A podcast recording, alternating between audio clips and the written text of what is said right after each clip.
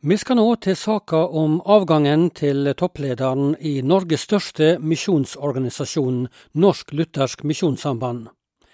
Tirsdag 10. mai ble det kjent at eh, generalsekretær Øyvind Aasland slutter i stillingen allerede 15. mai. Ny fungerende generalsekretær blir Birger Helland. Vi spurte formann i hovedstyret, Raimond Bjuland, om grunnen til den raske avgangen for generalsekretæren. Ja, jeg har lyst først å si at uh, hovedstyret har arbeidet med denne situasjonen i organisasjonen i ei svært lang tid. Og vi har brukt mye tid og krefter på de utfordringene som vi står i. Det har vært mange stemmer som vi har måttet lytte til og ta stilling til.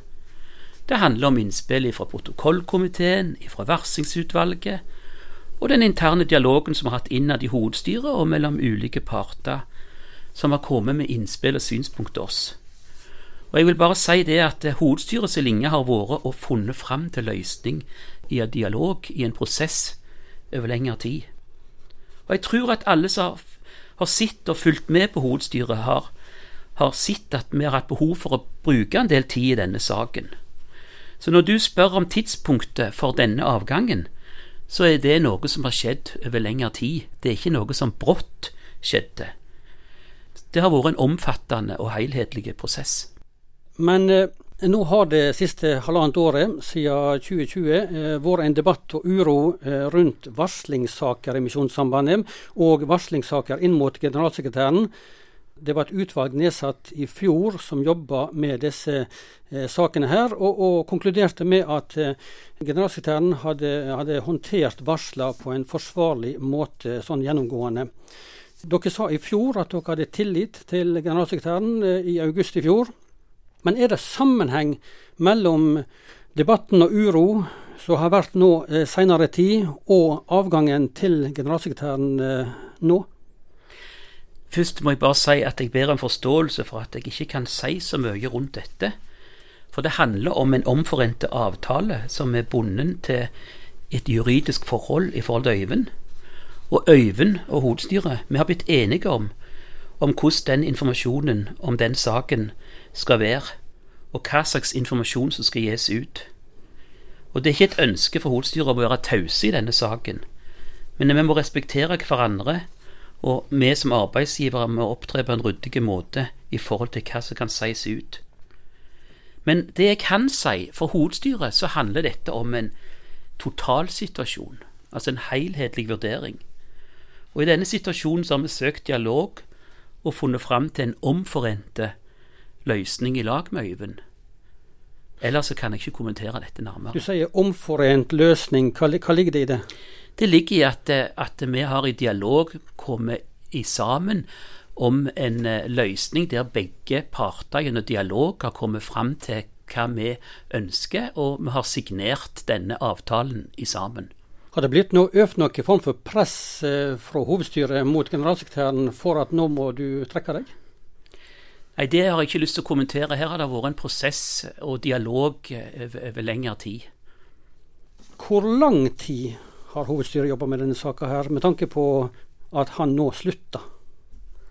Nei, Som jeg sa, så er dette noe som har pågått over, over flere måneder, der vi har jobba sammen med dette og, og, hatt dialog rundt dette. Vi snakker da om eh, etter jul? Ja, jeg, eh, jeg, kan godt si at det har vært sånn rundt den tida der. Så er det da en, en sånn, sånn eh, taushetsklausul. Hva er det den inneholder egentlig? Altså, Hovedstyret har arbeidet med denne saken over lang tid, som jeg sa. Og det meste av denne prosessen er kjent eh, fra før av gjennom media. Så vi har hatt vanskelige samtaler innad i hovedstyret og i møte med ansatte og andre parter. Og disse samtalene her har en konfidensiell karakter. Jeg tror alle forstår at jeg ikke kan gå inn i detaljer rundt denne omforente avtalen. Den er konfidensiell, og det er helt normalt både i næringslivet og i organisasjoner ellers. Vi i hovedstyret vi ønsker å bidra til å skape tillit i organisasjonen. Og vi vil, og jeg kan forstå at det er vanskelig når vi vil, ha åpenhet og transparens i organisasjonen. Men jeg har, jeg har derfor stor forståelse for at en taushetsbelagt avtale ikke er optimal i møte med misjonsfolket. Men her må jeg be om at, at en respekterer spillereglene i arbeidslivet.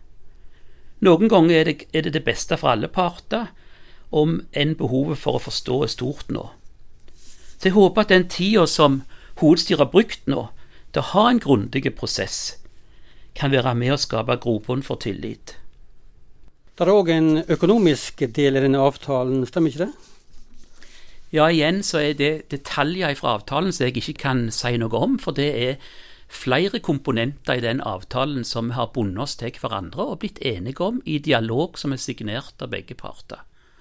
Men en økonomisk sluttpakke her vil vi naturlig å tenke at det er en sånn avtale.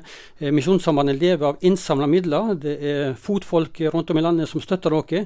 Er ikke ryddig da å være åpen med hvor mye han har fått i økonomisk kompensasjon, hvis det er en del av avtalen? Jeg ser at det hadde vært bra gjort, men det er en del av avtalen. Så de kommer ikke til å si noe om det, altså? Jeg kommer ikke til å si noe om det, nei. Nå har Øyvind Aasland sagt i pressemelding at, at han har opplevd et krevende samarbeidsforhold med hovedstyret senere tid. Kan du si noe mer om hva det går i? Nei, det kan jeg ikke si noe mer om. Det, det har jeg ikke lyst til å kommentere her. Siste dagene så har det òg kommet kritikk eh, fra toppledelsen i Misjonssambandet ved hovedkontoret i Oslo. Flere av lederne der har vært kritiske til måten de har eh, håndtert denne saka på, og denne brå avgangen til generalsekretær Øyvind Aasland. Hva gjør disse uttalelsene med tilliten mellom hovedstyret og gjenværende ledelse i Misjonssambandet? Først har jeg lyst til å si at jeg har forståelse for at det har skapt uro, og de vurderingene som er gjort rundt avgangen, at de kan være sprikende. Eh, det er likevel hovedstyret sin oppgave å ta det overordnede ansvaret for alle sider med organisasjonen sitt virke. Og vi har alle et felles ansvar for å vise respekt og gi tillit til de ulike roller og funksjoner som er satt til i organisasjonen. Eh, jeg merker meg den kritikken, og jeg syns det er krevende, men jeg ønsker ikke å gå noe mer inn på det her i radioen. Informasjonslederen Espen Ottosen i Misjonssambandet han, han, sier at han kan risikere å få sparken, eh, tenker han sjøl. Hva tenker du om, eh, om, det? Kan noen risikere å miste jobben her, av de som har uttalt seg kritisk nå? Eller? Nei, det er ikke noe jeg eh, kan uttale meg om her. Det syns jeg blir veldig spesielt å gå ut med sånne uttalelser. Men det lar jeg være å kommentere. Det har vært en del uro i Misjonssambandet nå siden august 2020. Eh, debatten rundt dette med varslingssaker, som jeg har nevnt, og en del debatt i media og en del eh, debatt internt. Hva gjør hovedstyret nå framover i forhold til å håndtere denne saka, eller uroen som har vært eh, videre nå? Først vil jeg si at eh, vi har jo jobba nå i halvannet til to år og hatt fullt fokus på dette. Så det er noe vi òg vil prioritere høyt framover. Og det må vi sette oss til å finne ut av hvordan en skal gjerne komme inn i forsonende dialogsamtaler og, og, og, ta det videre der. Men, men det er noe som vi vil prioritere høyt framover. Denne avgangen for øverste daglig leder skjer to måneder før generalforsamlinga i Misjonssambandet i starten på juli, der dere skal drøfte saker om veivalg for Misjonssambandet videre. Eh, litt store saker, bl.a. dette her med kvinners representasjon i, i sentrale styre. Hva betyr det for forberedelser og gjennomføring av generalforsamlinga at uh, generalsekretæren, som har jobba i mange år nå, han slutta omtrent på dagen? Ja, Først vil jeg si at det er mange som er involvert i arbeidet med GF og generalforsamlingen. Og jeg vet at lederteamet arbeider med full styrke. Og jeg vet at det er et stort fokus på planlegginga og programmet. Og at fellesskapet deres blir bra. Og jeg tror at eh, sommerens GF, med tanke på det som har skjedd nå, blir enda viktigere for at vi skal kunne komme sammen. Eh, men det er klart at eh, det er, er vanskelig, og derfor så jobber vi òg nå. Og vi har på plass en ny generalsekretær fra 15. mai. Og det er vi veldig glad for at eh, Birger Helland har sagt ja til å gå inn og fungere som generalsekretær fram til permanent ansettelse av generalsekretær er på plass. I en krevende situasjon så er hovedstyret utrolig takknemlige for at Birger har tatt på seg den oppgaven. Han er en mann med allsidig og brei erfaring fra ulike stillinger i Misjonssambandet. Han har arbeidet på en måte hele sitt yrkesaktive liv i misjonen og har stor eh, arbeidskapasitet. Og jeg tror, ut ifra det spørsmålet som du stilte om generalforsamlingen og planlegginga, så tror jeg at han kan være en god mann som kan være med og hjelpe og bistå inn imot de prosessene. Det at han òg kommer inn på kort varsel og tar på seg denne oppgaven, det syns hovedstyret er veldig flott. Og vi ber om at misjonsfolk og ansatte og frivillige at, tar godt, at vi tar godt imot han og husker på han i tjenesten i bønn til Gud. Eh, Birger Helland har jo lang fartstid i Misjonssambandet, som du sier. Han var forretningsfører på 80- og 90-tallet i mange år, og han var òg på den tida assisterende generalsekretær, altså eh, nestelederen eh, til daglig ledelse. Han er nå pensjonist, så han blir nok ikke sittende så veldig lenge. Hvordan tenker dere når det gjelder tidsperspektiv til å få en permanent generalsekretær?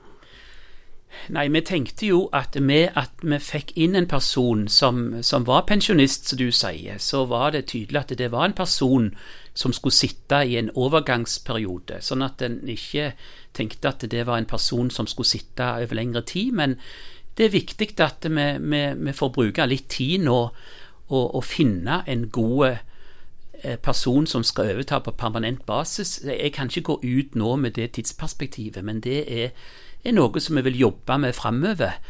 Eh, det kan jeg si, men jeg kan ikke angi tidsperspektivet. Det er noe vi må sette oss til med nå, når ting får roe seg litt. Hvordan eh, håper du, tenker du, generalforsamlinga til sommeren blir? Jeg håper og tror at generalforsamlingen skal bli bra. Jeg vet at dette har skapt noe uro, men jeg tror at en generalforsamling som har fokus på verden for Kristus, på det å vitne for at flere skal få høre og spre evangeliet hjemme ute. Det å samle oss nå, det tror jeg blir enda viktigere enn noen gang. Sånn at vi i sammen kan, kan uh, ta hverandre i hendene og, og, løfte blikket for det som vi har i vente. Så jeg ønsker inderlig at mange vil prioritere å komme på generalforsamlingen i spennende forhandlinger og viktige saker for Misjonssambandet.